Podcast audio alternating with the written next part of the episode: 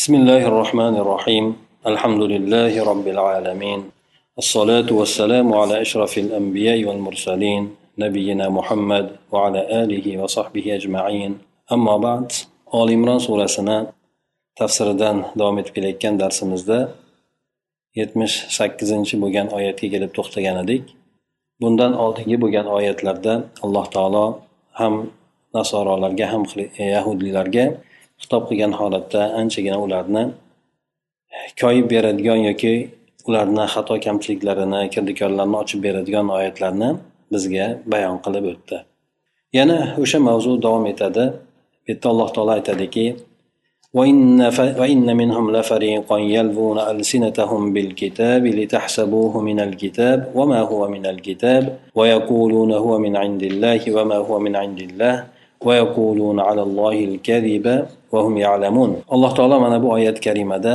xosatan yahudlarni koyib ularni alloh taoloni kalomi bilan o'ynashayotganlik kirdikorini ochib aytadiki ulardan bir jamoasi tillarini ollohni kitobini burro qilib o'qishadi. Go'yoki ular o'zlari qo'shib qo'ygan narsalarni sizlar o'sha kitobdan ya'ni tavrotdan deb hisoblashliginglar uchun deydi. o'zi aslida ular qo'shib qo'ygan narsasi tavrotdan emas yana bular bu narsani ollohni huzuridan deb aytishadi aslida ular qo'shgan narsa alloh taoloni huzuridan emas bular alloh taoloni haqqiga yolg'onni to'qiydilar uni esa o'zlari aniq oshkor suratda bilib turadilar deydi mufassir aytadiki يفتلون بألسنتهم في قراءة التوراة لتحريف كلام الله عن معانيه لتظنوا أن هذا المحرف من كلام الله وما هو إلا كذب وبهتان فقد ارتكبوا جريمتين جريمة التحريف لكلام الله وجريمة الكذب على الله ويقولون على الله الكذب وهم يعلمون أنه كذب. لقد حرف اليهود صفة خاتم الأنبياء صلى الله عليه وسلم الموجود في كتابهم وحرفوا حد الرجم وحرفوا كثيرا مما هو موجود في التوراة لأنه لم يوافق مزاجهم وهكذا تلاعبوا في التوراة عمدا فباءوا بغضب الله وسخطه فما أجرأهم على شرع الله ودينه مفسر بآياتنا تفسير دايتاديكي yahudlardan bir toifasi ya'ni yahudlardan hammasi emas asosan ularni rohiblari poplari ya'ni ilmlilari bular tavrotni o'qishlikda tillarini burib o'qishardi bu bilan esa alloh taoloni kalomini o'zini ma'nolaridan o'zgartirib yuborishlik uchun deydi. Ya'ni bular o'zlari qo'shib qo'ygan narsani ham xuddi o'sha qiroatga o'xshatib tilovatga o'xshatib turib o'qishardi bu yerda. Doimki sizlar o'sha alloh taoloni kalomidan ya'ni o'sha o'zgartirilib tashlangan tomoni ham ularni o'zlari tomonidan qo'shganligi yoki bo'lmasa hazf tashlaganligi yo oralariga masalan ba'zi narsalarni qo'shib qo'yganligi yo bo'lmasa aytaylik butunlay bir narsalarni o'zgartirib turib bir biriga bog'lab yuborishligi. Ana o'shandek o'zgartirgan narsalarini bular alloh taoloni kalomidan deb sizlar gumon qilishliginglar uchun bular xuddi shunday qilib xuddi go'yoki tashqi tomondan bilinmaydigandek qilib turib tavrotni tilovat qilishadi deydi. Bu albatta alloh taoloni haqqiga yolg'on bo'xton bo'lgan narsa edi. Bular bu qilgan ishi bilan ikkita jinoyatni qilgan edi. Birinchisi alloh taoloni kalomini o'zgartirishlik bo'ladigan bo'lsa ikkinchisi o'sha qo'shgan narsalarini alloh taolo aytmaganini allohga aytdi deb turib allohni haqqiga jinoyat qilishlik bo'lgan edi. Bular alloh taologa yolg'onni aytaverishadi. Buni esa o'zi ular yolg'onligini aniq bilib turishadi. Ana o'shandek darhaqiqat bu yahudlar payg'ambar sollallohu alayhi vasallamni sifatlarini o'zgartirib tashlashdi. Ularni o'zlarini kitoblarida mavjud bo'lgan sifatlarini o'zgartirib tashlashdi. Va yana rajm oyatini ya'ni ularda kelgan rajm haddini jazosini ular o'zgartirib tashlashdi. Buni ba'zi hadislarda kelgan edi. Ularda ham toshbo'ron qilinishligi kerak bo'lgan lekin ular bu narsani bekitib turib boshqa hukmga o'zgartirishgan eshakka teskari mindirib turib shaharda aylantirishlik jazosiga aylantirishgan. Buni o'zlari tomonidan qilishgan edi bular. Yana bular ko'plab o'sha tavrotda mavjud bo'lgan hukmlarni o'zgartirib tashlashdi. Nimaga? Sababi ularni mijoziga bu narsa to'g'ri kelmas edi shunaqa qilib bular tavrotda qasddan o'yin qilishdi. Bu bilan esa alloh taoloni qahriga va g'azabiga duchor bo'lishdi. Bular alloh taoloni shariatiga ham diniga ham qanday bir jur'atli bo'lmasalar bular? Ya'ni alloh taoloni shariatini ham dinini ham bular mana shunday qilib o'yin qilishib olishgan. ما كان لبشر أن يؤتيه الله الكتاب والحكم والنبوة ثم يقول للناس كونوا عبادا لي من دون الله الآية كشفت كذبا كذب النصارى في دعواهم أن المسيح أمرهم بعبادته والاعتقاد بالألوهيته أنه لا يصح عقلا ولا يتصور لأحد من البشر. أكرمه الله بالنبوة وأعطاه الحكمة والسداد في الرأي وأنزل عليه كتابا منيرا. ثم يقول للناس اعبدوني من دون الله هذا شيء مستحيل ولا يتصور عقلا لأن النبي سفير بين الله وخلقه لدعوة الناس إلى عبادة الله فكيف يدعوهم إلى عبادة نفسه؟ أنا أندن الله تعالى bu nasorolarni qilgan kirdikorini ochib aytadiki bironta odam uchun alloh taolo unga kitobni bergan bo'lsa hukmlarni bergan bo'lsa payg'ambarlik bilan siylagan bo'lsayu keyin u odam kelib turib alloh eh, odamlarga ollohsiz meni o'zimgagina ibodat qilinglar deb aytadigan bo'lsa. Bu mumkin emas bu narsa deb alloh taolo aytdi. Bu oyat o'sha nasorolarni to'qigan yolg'onni ochib beryapti bizga. Bular nima deb davo qilishgan edi?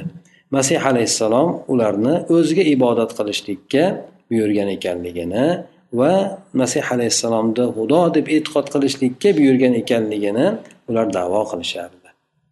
Ular haqiqatdan o'zlarini kitoblarida ya'ni iso alayhissalomga xudoni o'g'li deb sig'inishar edi bu narsani bizni kitobimizda bor deb aytishar edi o'zi aslida alloh taolo aytadiki bu yerda demak insonni aqliga ham to'g'ri kelmaydi bironta odam uchun tasavvur ham qilinmaydiki alloh taolo uni payg'ambarlik bilan mukarram qilgan bo'lsa va yana unga hikmatni fikrida to'g'rilikni beradigan bo'lsayu yana bundan tashqari hamma narsani ochiq oshkor bayon qiluvchi kitobni ham nozil qiladigan bo'lsa keyin odamlarni oldiga borib turib ollohsiz men o'zimga ibodat qilinglar deb aytadigan bo'lsa. Bu mumkin emas bo'lgan narsa. Aqlan tasavvur qilib bo'lmaydi bu narsani. Chunki payg'ambarni qiladigan ishi olloh bilan bandalarni o'rtasida elchilikdir. Bu elchiligi esa odamlarni alloh taoloni ibodatiga chaqirishlik uchundir. Qanday qilib bu kimsa odamlarni o'ziga ibodat qilishlikka chaqirishligi mumkin. Demak sal ha bir yolg'onni to'qiydigan bo'lsanglar bir odam ishonadigan qilib to'qimaysizlarmi degandek ha bu nasorolarga alloh taolo qattiq tanbeh beryapti. ولكن كونوا ربانيين بما كنتم تعلمون الكتاب وبما كنتم تدرسون أي ولكن الرسول يقول لهم إني أدعوكم إلى طاعة الله وعبادته إلى أن تكونوا ربانيين علماء حكماء منسوبين إلى رب العزة والجلال بسبب تعليمكم الناس كتاب الله ودراستكم له ودراستكم له والرباني منسوب إلى الرب وهو الكامل في العلم والعمل والعارف بالله. Ana undan keyin lekin yuqoridagi sizlar aytayotgan narsani payg'ambar hargiz aytishligi mumkin emas. Aqlga ham sig'maydi bunday deyishligi. Lekin payg'ambar aytar ediki sizlar sizlar o'sha kitobni ya'ni injilni tavrotni ta'lim berayotganinglar sabablik va yana o'zinglar o'rganayotganinglar sabablik robboniy bo'linglar. Robboniy kimsa bo'linglar mukammal ilmda ham amalda ham mukammal kimsa bo'linglar deb shunday deb aytardi deydi. Mufassir ham aytadiki lekin o'sha payg'ambar ya'ni iso alayhissalom ularga aytar edi men sizlarni alloh taoloni toatiga ibodatiga chaqiraman. To sizlar robboniy olim bo'linglar. Robboniy olim ya'ni alloh taologa xudojo'y bo'lgan olim bo'linglar. Rabboniyni ma'nosida aytishadiki ribbiyun yoki rabboniyni ma'nosida odamlarga tartib bilan ta'lim beradigan deb ibn abbosni gaplarida keladi. Ya'ni katta ilmlardan oldin kichkina ilmlarni beradigan katta ilmlardan oldin kichkina ilmlarni beradigan odamlarni ana shunday ilm bilan tarbiyani jamlab turib ta'lim beradigan kimsa murabboniy bo'ladi deydi. Quruq ta'lim ham emas quruq tarbiya ham emas balki ilm bilan tarbiyani o'rtasini jamlab darajama daraja beradigan kimsani rabboniy deb aytiladi deb ibn abbosdan rivoyat bor. Ana o'shandek rabboniy olim bo'linglar. Odamlarga demak katta katta tushunmaydigan narsalarni emas balki ularga tushunadigan narsalarni ta'lim beruvchi bo'linglar. Hakim donishmand bo'linglar ya'ni har bir ishni o'zini o'rnida qiladigan bo'linglar. Deb bular demak rabboniy deb turib robbil izzati val jalal ulug' alloh taoloni rob sifatiga bu narsa nisbatlanyapti bu yerdagi bunday deb aytishligi bularni odamlarga alloh taoloni kitobini ta'lim berayotganliklar sababli uni hamda o'zinglar o'rganayotganinglar sababli demak aytib o'tdik ta'lim bosqichi qanday bo'lishligini ularni rabboniy deb nomlab o'tdi. Rabboniy degani bu rob azza va jallaga nisbatlangan ya'ni bu kimsani ma'nosi bunday bo'lgan kimsani ma'nosi shu ekanki ham ilmda ham amalda mukammal bo'lgan. O'zi bilgan narsani bilishlikka harakat qiladi bilganiga esa amal qilishlikka to'liqroq harakat qiladi. Ana o'shandek bo'lgan kimsa hamda alloh taoloni yaxshi tanigan bo'ladi deb aytilyapti. Demak payg'ambarni buyurgan narsasi mana shu narsa edi. Sizlar u narsalarni o'zinglar tomoninglardan to'qib oldinglar. ولا يأمركم أن تتخذوا الملائكة والنبيين ربابا أيأمركم بالكفر بعد إذ أنتم مسلمون؟ أي ولا يصح من النبي أن يأمركم بعبادة غير الله ملائكة كانوا أو أنبياء أو أولياء لأن مهمة الرسول الدعوة إلى الله لا إلى الشرك إلى الإشراك به. أيأمركم النبي بالكفر وعبادة غير الله بعد أن أسلمتم ودخلتم في دين الله؟ والآية كلها للرد على النصارى الذين اعتقدوا ألوهية المسيح ثم اعتقدوا صلبه صلبه وزعموا أن عيسى هو الذي دعاهم إلى عبادته yana alloh taolo bularga aytadiki payg'ambar sizlarni farishtalar bo'lsin boshqa payg'ambarlar bo'lsin umumiy suratda bularni xudo qilib olishlikka hech qachon buyurmaydi sizlarni musulmon bo'lganinglardan keyin yana kufrga buyuradimi payg'ambar Deb alloh taolo ularga ya'ni inkor etgan holatda bularga savol yo'naltirdi. Payg'ambardan durust emas u sizlarni alloh taolodan boshqani ibodatga buyurishligi. Bu farishtalar bo'ladimi payg'ambarlar bo'ladimi avliyolar bo'ladimi farqi yo'q. Ha bu aytaylik allohga eng yaqin kimsalar bo'ladimi yoki aytaylik o'zinglar yasab olgan boshqa tog'u nima toshu yog'ochlar bo'ladimi? Farqi yo'q bu narsalarda. Chunki payg'ambarlarni asosiy vazifasi bu odamlarni alloh taoloni ibodatga chaqirishlik alloh taologa shirk keltirishlikka emas. Payg'ambar sizlar musulmon bo'lib ollohni diniga kirganlaringizdan keyin kufrga buyurib alloh taolodan boshqasiga ibodat qilishlikka sizlarni chaqiradimi? Bu oyatni hammasi asosan nasorolarga raddiyadir. Ular iso alayhissalomni xudo ekanligini e'tiqod qilishardi. Ana undan keyin xudo bo'lib keldida yerga butun o'sha odam alayhissalomni qilgan gunohiga o'zini fido qilib ketdi osilib ketdi deb e'tiqod qilishardi. Yana bular aytishar ediki iso alayhissalom bu kishini o'zi demak bizni o'ziga ibodat qilishlikka chaqirgan deb iso alayhissalomni haqqiga ham tuhmatlarni yog'dirishardi وإذ أخذ الله ميثاق النبيين لما آتيتكم من كتاب وحكمة ثم جاءكم رسول مصدق لما معكم لتؤمنن به ولتنصرنه. أي اذكروا يا أهل الكتاب وقت أن أخذ الله ميثاق الأنبياء والميثاق العهد المؤكد لما آتيتكم أي من أجل آتيت من أجل ما آتيتكم من الكتاب والحكمة ثم جاءكم رسول من عندي مصدق لما بين أيديكم لتصدقنه ولتنصرنه. قال ابن عباس ما بعث الله نبيا من الأنبياء إلا أخذ عليه الميثاق. لئن بعث الله محمدا صلى الله عليه وسلم وهو حي ليؤمنن به ولينصرنه وأمره أن يأخذه أن يأخذ الميثاق على أمته. Ana undan keyin bularni ya'ni yahudlar bo'lsin nasorolar bo'lsin ikkala toifani ham muhammad sallallohu alayhi vasallamga garchi ularni kitobida sifatlari kelgan bo'lsa ham payg'ambarlar u payg'ambar sallallohu alayhi vasallamni kelishligini bashoratini qilganini bergan bo'lsa ham ana o'shalar narsalarni bilib turib iymon keltirmayotganligiga juda qattiq ularga alloh taolo tanbeh beryapti. Aytdiki vaqtiki alloh taolo payg'ambarlardan ahdi paymon olgan edi. Hamma payg'ambarlardan ahdi paymon olgan edi. Nima deb? Ya'ni ularga kitob berganligi hikmatni berganligi sababli payg'ambarlardan ahdi paymon olgandiki ana qaysi birini davrida ya'ni u olib kelgan narsani yoki sizlar olib kelgan narsalarni tasdiqlovchi payg'ambar sizlarga keladigan bo'lsa ya'ni payg'ambarlarga shunday deb ahd paymon olgan ekan albatta o'sha payg'ambarga ya'ni muhammad sallallohu alayhi vasallamga iymon keltirasizlar va u kishiga yordam berasizlar deb.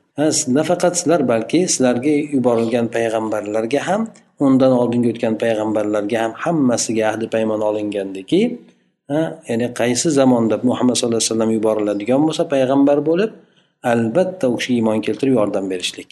Shuning uchun payg'ambar sallallohu alayhi vasallamni aytgan gaplarida ham bordi ha birodarim muso agar tirik bo'lganda edi menga iymon keltirmasdan ergashmasdan iloji yo'q edi deb ha umar roziyallohu anhu payg'ambar sallallohu alayhi vasallamni huzurlariga tavrotni varaqlarini ko'tarib keladi. Rasululloh alayhivasallamga ey rasululloh mana unda ham ajoyib narsalar yozilgan ekan deganda payg'ambar sallallohu alayhi vasallam g'azab qildi. Ya'ni yuzlaridan g'azab alomati ko'rinadida umarga qattiq nima qilib beradi? Koyib beradiki o'sha hattoki nafaqat u kitobi balki men olib kelgan qur'onda sizlarga kifoyalik yo'qmi? Garchi nafaqat bu kitob balki musoni o'zi tirik bo'lib kelganda ham menga iymon keltirib ergashmasdan iloji yo'q bo'ladi. Ya'ni men olib kelgan dastur bo'yicha yurardi deb payg'ambar alayhisalom roziyallohu anhuga qattiq tegadi. Ana o'shandek demak bu oyat karimada alloh taolo e, payg'ambarlarni hammasidan ahdi paymon olganligini bayon qilib o'tyapti. Ya'ni aytadiki ey ahli kitoblar eslanglar.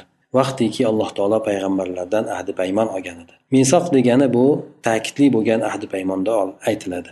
Ularga ya'ni men sizlarga qur'on ya'ni kitobni kitobdan murod alloh taolo tomonidan yuborilgan kitoblar hamda hikmat ya'ni shu kitoblarni oldiga beriladigan qo'shimcha ilm. Ana o'shanday narsalarni berganligim sabablik hmm, sizlardan ahdi paymon olgandimku. Qaysi birlar men shu meni huzurimdan bir payg'ambar sizlarga keladigan bo'lsa sizlardagi bo'lgan narsani tasdiqlab keladigan bo'lsa albatta uni tasdiqlaysizlar unga yordam berasizlar. Mana shu narsa to'g'risida alloh taolo demak ahdi paymon olgan ekan. Ibn abbos roziyallohu anhu aytadilarki alloh taolo payg'ambarlardan qaysi bir payg'ambarni yuborgan bo'lsa albatta o'shanga ahdi paymon olgan. Nima deb ahdi paymon olgan? Agar alloh taolo o'sha payg'ambar tirik bo'lgan holatida muhammad sallallohu alayhi vasallamni yuboradigan bo'lsa payg'ambar sallallohu alayhi vasallamga albatta iymon keltirib yordam berishi kerak. Va yana ummatiga ham o'sha ahdi paymon olishligini buyurishligi kerak.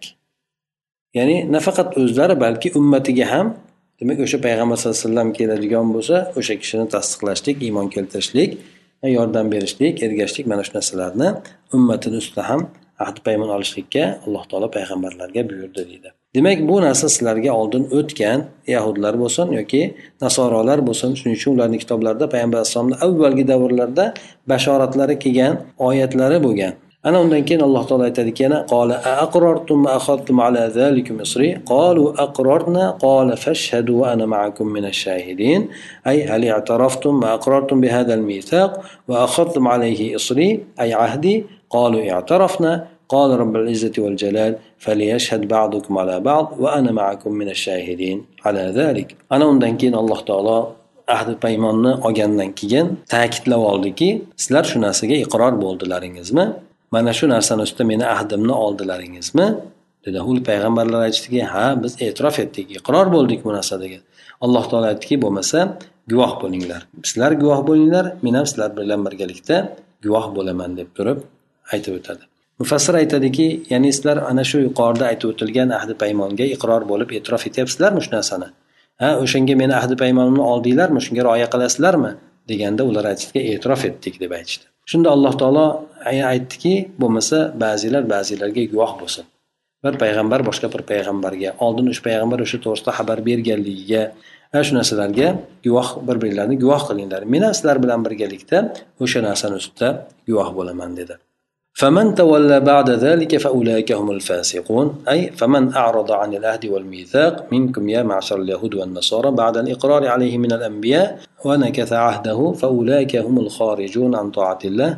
يا له من ميثاق عظيم مبارك أقر به الأنبياء أجمعون وشهد عليه رب العزة والجلال لمحمد صلى الله عليه وسلم بالنبوة والرسالة ana undan keyin yuqoridagi bo'lgan ahdi paymonlar hamma payg'ambarlarga ketdimi shu jumladan muso alayhissalomga ham iso alayhissalomga ham endi mana shu narsalardan keyin kim yuz o'giradigan bo'lsa bu ahdi paymonda buni qabul qilmaydigan bo'lsa yoki o'sha bo'yicha amal qilmaydigan bo'lsa ana o'shalar fosiqlar bo'ladi dedi demak fosiq degan so'zni asosan qur'onda kofir ma'nosida ishlatilgan Kofirga sinonim bo'lgan ma'nosida ishlangan ya'ni alloh taoloni toatidan butunlay chiqib ketishlikdan aytiladi.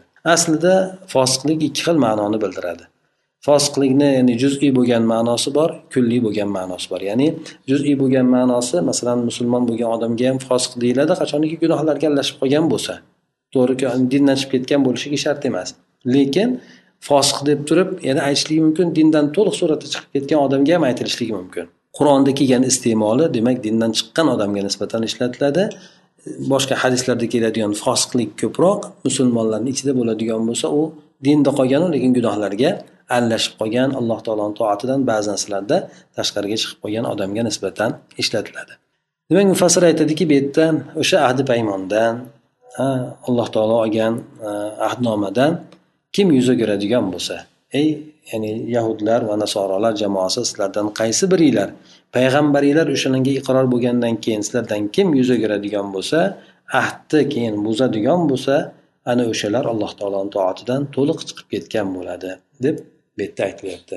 Demak payg'ambarlarni ahdi paymon olganligi ummatini ahdi paymon olganligi bo'ladi. Chunki aytib o'tdik yuqorida payg'ambarlarga ummatini ustida ahdi paymon olishlikka ham buyurilgan. Xuddi qaysi bir payg'ambar o'tgan bo'lsa masihi dajjolni fitnasidan ogohlantirgan bo'lsa hammasi zulmatni ogohlantirgan bo'lsa xuddi shuningdek payg'ambarlar agar muhammad sallallohu alayhi vasallam keladigan bo'lsa u kishini tasdiqlab ergashishlik to'g'risida masalan salmon forisiy e, rohiblarga yo'liqqan paytida yaqinda keladigan payg'ambarni zamoni yaqinlashib qoldi falon joyda bo'ladi o'sha nimaga borgin degan tavsiyalarni beradi.